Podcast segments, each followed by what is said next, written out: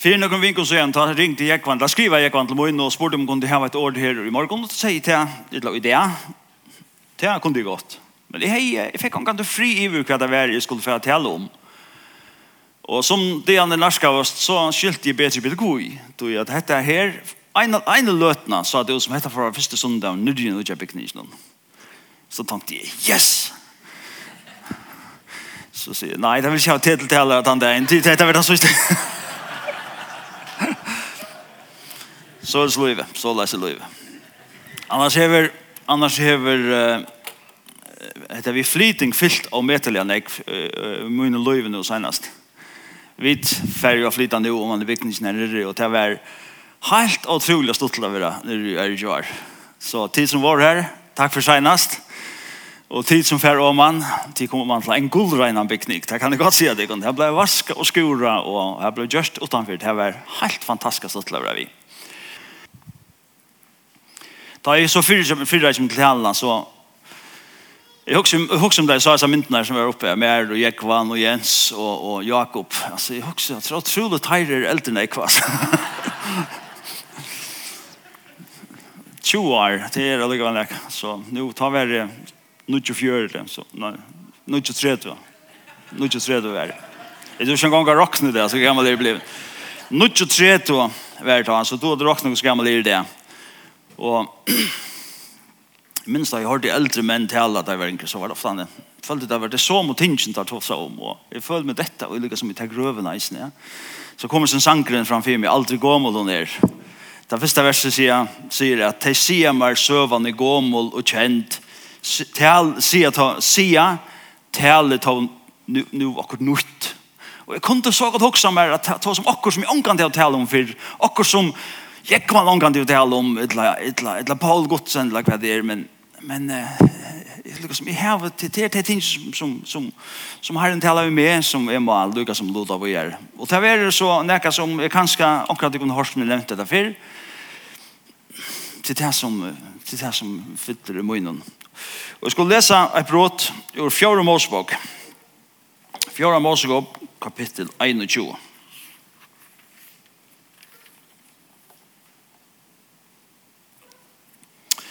fra uh, vers 4. Så får du teg av sted fra Horebs fjallet, og tog og leien til Reihavet, for at være i Edoms land, og av en og var følt i åtål.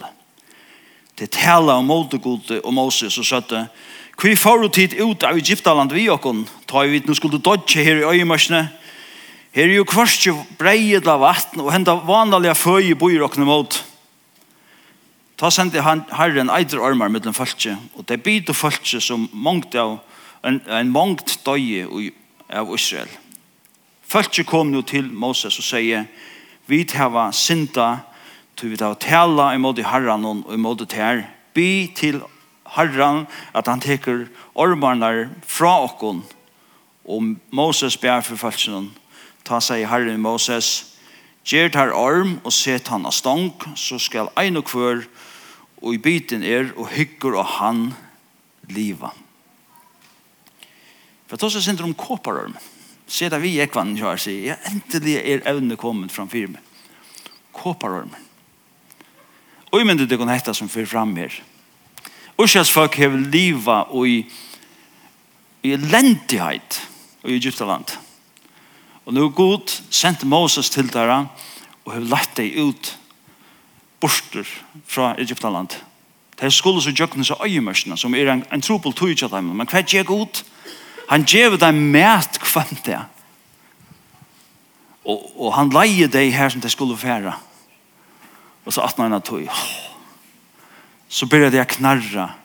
Hvor hette, hvor skulle fære ut i Egyptaland? Og glemme alla de rævlighetene som får fram inn i landen her som det hadde vært og var det bare opptidsen av hesten her som var akkurat nå som det ble så oppslukt av det de tømte ikke etter her. De tøy mye geng her solen bøka nyer her som ikke sander alle stedene og alt det som det er. Og det er som mætens god gjør dere det er så trøttende vi får på det samme manna i kvøntan øynast av det. Og det ber jeg kvinn jeg fyrer kvenna det stedelikon God hever sikna deg og han hever lett deg og han hever en plan for deg og her kinka deg og grenja og reie herrans tendra i mot vølsene. Nu kunne det være nok. Nei, så kan jeg si han ikke. Men hva fall, hette fann god sier ikke vi. Det taler ikke bare mot det gode, men det taler mot det ombudsmannen til gode, Moses, og god refsa i folk. Han sendte eitrar med middel til, og det var godt noen refsing som ville nækka. Og så han det, nå oppdager folk ikke hva det har gjort. Og, og færa til Moses, og så sier det vi, han kan ikke be om at dekke armene borster. Og Moses ber for folk, og tok god armene borster. Nei, det gjør det faktisk slett ikke. Det er noe som lukkar som kom tanker om, ikke finne morgen da jeg selv, at lese det en av senest før jøkken. God tok ikke refsingen av borst, men han skapte en utvei. Han skapte en utvei fyrir snir, folkene som var blitt biten, og det stender her at eh, ta seg herre min Moses, gjør tar arm og sitt han av stank, så skal ein og kvør i biten er og hitje han og liva. Og så stender Moses gjør det ta kåpararm og så han av stank og ta i armen hei bit i ankran og han hukte av kåpararm så døy han ikke. Så bæra til at følelsene hukte på en kåpar armen Nog så har vært stendt ikke god sier vi en gyren kåpare, man sier gyren orm. Og Moses gjør det der ur kåpare.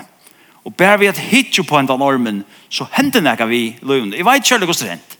Det er bare, så det blir grønt, det er bare til at det er veldig ikke kunne sjukker for løp, og så det blir en fruskatter. Jeg vet ikke kjærlig, men det dør jo ikke.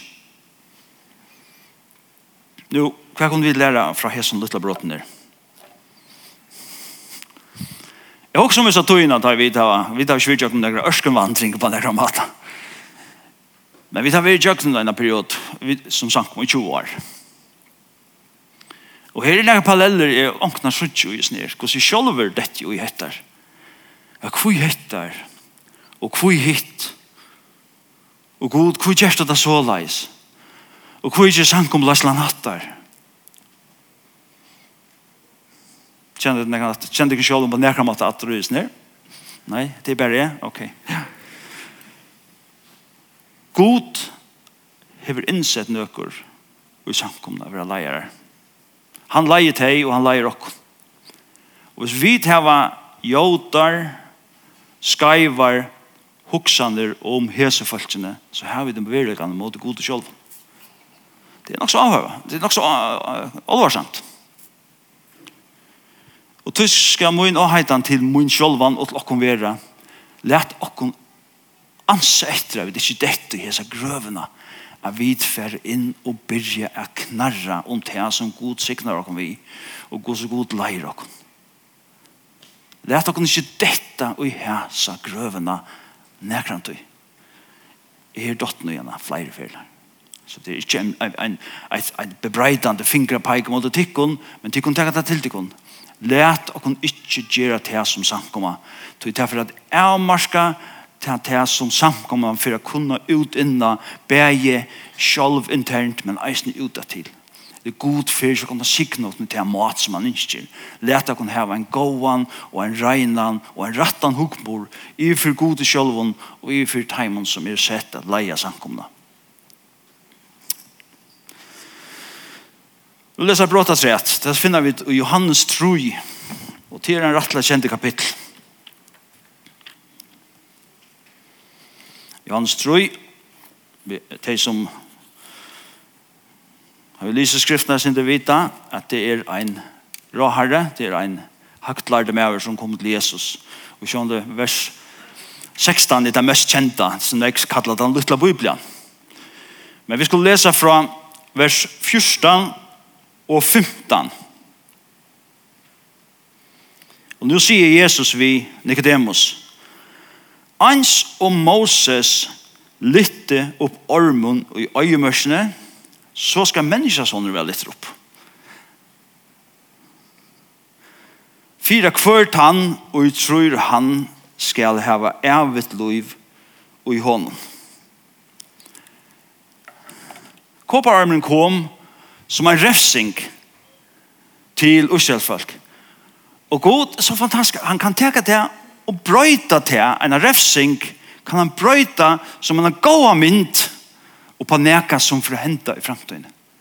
Tannmynden er at Jesus kom, og nå sier Jesus om seg selv, menneskesånen, at han ens og kåpararmeren skal være hangt opp, så kvør ut han, og i tror han, jo, de som hukte på kåpararmen, her hendte nekka i tæra løyve, de ble fra at vera er dømt av eitrunnen som er båre, så døy det ikke. Og vi er trygg var han, så stender her, fyra kvørt han, og jeg tror at han skal heva evigt løyv i hånden. Vi vet at, at menneskene er en fattelig skapninger. Vi venter oss som mennesker borte fra gode, til en evigen deia i verlegan. Men Gud sendte sånn som i heimen. Så han kommer litt opp, en som kåper armeren, så han som tror av han. Nå, at det vi er tryggva er et sånt vårt begrep. Vi vil ikke gjøre til at tryggva mer trobult enn til er. Til er at tryggva til at heva et allit. Til Men som vi sier det, ja, men jeg trykker vi, jeg du flenk. Og for jeg lyser det, så skal jeg fortelle en søve som er, som jeg hørte, jeg halte, jeg halte over smadrong, det hørte jeg nå. Det var en medover som var lynedanser. Tjekk. Jeg spent en sånn lyne tvørst om en stor han foss. Og så visste han for falsk hos vel han dotter, trunter han, tjekk han tvørst om, og så klappa av, og så tjekk han i rommet, og så klappa av, så tok han en trullebøra, tjekk i renne, og så tjekk han i rommet, Og så fantastiskt. Så ser vi en annan en man som sier at det var. Så han tror du att jag kan köra efter uh, trillebørene tvers rom här. Ja, ja, ja, jag akkurat sett det. Ja. Tror du kan gjøre det minst två sider i trillebörne? Yeah. Okej. Hopp Hoppa på i trillebørene. nu er månader å trykva och att trykva. Så jag mener vi hetta allite, hettar ikke bare at jo, jo, jo, jo hetta sikkert, hetta vel, men at man tror til på tannmaten at man er viljer til at lyta og ivigjeva seg til. Til tæsle og trygg. At ta Jesus ble litt opp så er det han som tror og han tæsle og trygg.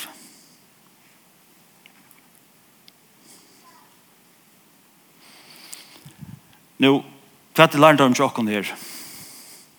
Hette båskapen vi ber.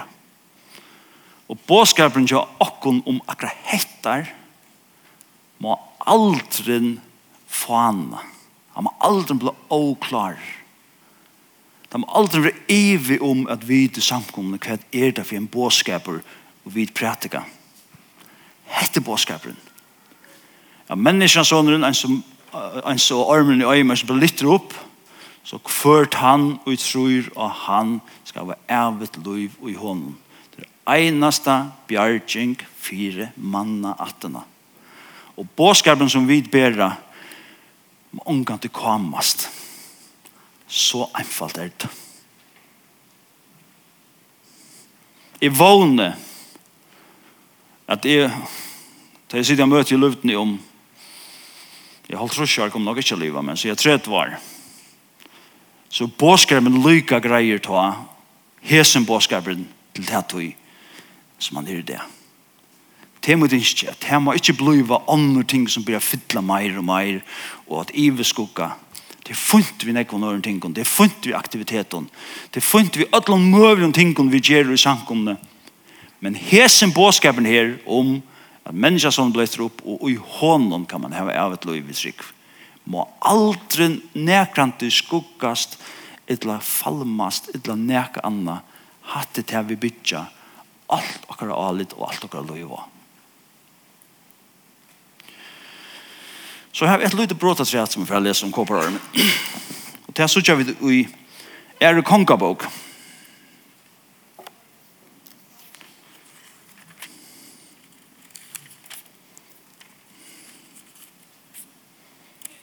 kapitel 18.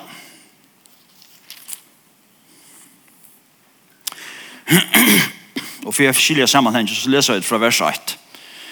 Tria åre og i Israels konger Hosea, sonur Ela sett vi styre, ver Ezekias, sonur Judakong Akas kongur. Nå, vi der i disse periodene i Israels søv og ta i de tvei rydger. Så tog vi snakket om tvei imenska kongar. Så det er Skias vi han konger vi tås om. Han var, han var, han var 25 år, ta i han gjørdes konger, og 22 år stod til han i Jerusalem. Mår hans er et Abi og var døtter Zakaria. Han gjør det til som rett vær i egen herrens. Det gjør det de fleste av kongen annars ikke.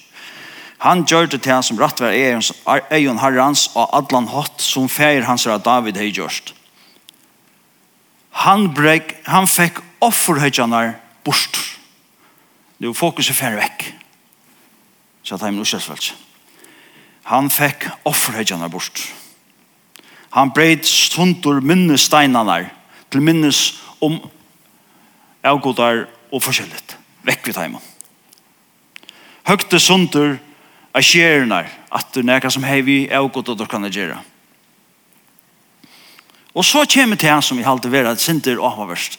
Og sinter syrkjelit, eller rattet det syrkjelit. Kåpar ormen og David hei gjørst, multe han og i mjøl, til lyka til ta høttu han, eh, til lyka til ta Israels Israelsmenn brent røykelse fyrir honum. Teir røpte han nehushtan. What? Fyrst til deg hon. Det er nok så nøylig at de lærte henta parsten om søvnene til kåpararmen og kjenne. God gav dem hendan her kåpararmen som bjergjeng fyrir en svara kreppo som det var i. Og hva hendte? De får tilby etter kåparpett. Som i seg sjálfum var absolutt ønskjøk ikke av kåpar. Og allikevel så hukser jeg, kunne vi dette i hans grøna? Kan det verlig være såleis at ting som god har givet okkon som sikning og farnare tog, i vi teker plasset til hånden?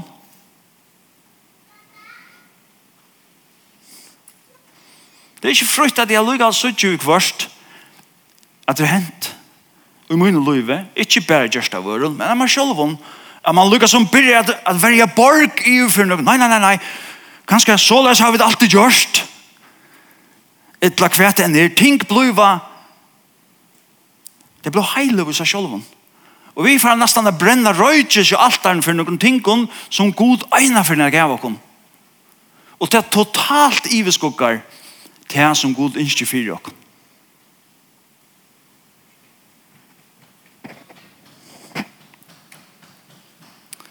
Nå, hva er tingene er og ikke at jeg anstekker, det skal ikke sitte og døme om, det kan skal kjenne noen ting at. Og det som, det er ting som har vi andre gjøre, får vi kanskje gjort lyd vi.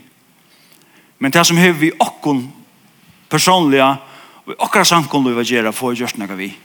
Det må aldri bliva såleis at neka ting fer inn og teker plass i god til at han eina för gav och den som sikning. Det må alltid ikke bliva til. Det Det må ikke bli til.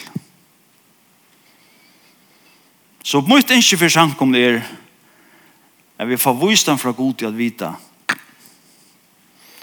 at det her ting er. Det skulle teka en så kåpar men om altså det stod han multe det til mjøl til en mjøl altså jeg vet ikke om mjøl mjøl var det natur at mjöl var i alt det der hvert fall tok han dette ting og han så det ble så funnet som mjøl Så han knuste han det sånt. Ikke bare han det. Han knuste det ned og i mjøl i her minst og bitene han kunne få det.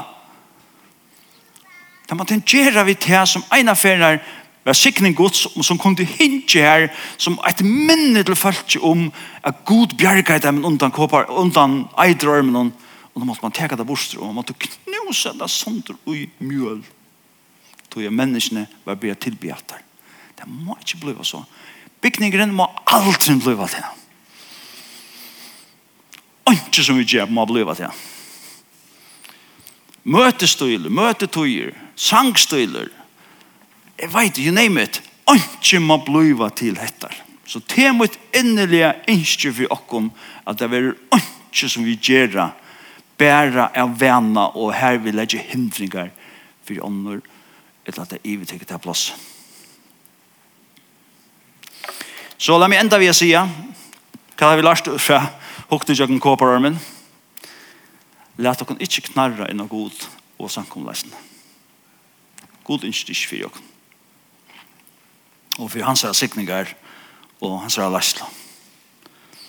Læt dere samkom og halda rimmar fast om båskapen om Jesus som var lytter opp, en så kåpararmen som einasta bjergjeng kjaman attene. Og som man tror, som vi har lært fra kåpararmen, er, er Læt okkon som sankum av ångan til færa er tilbya neka anna enn god sjolvan. Amen.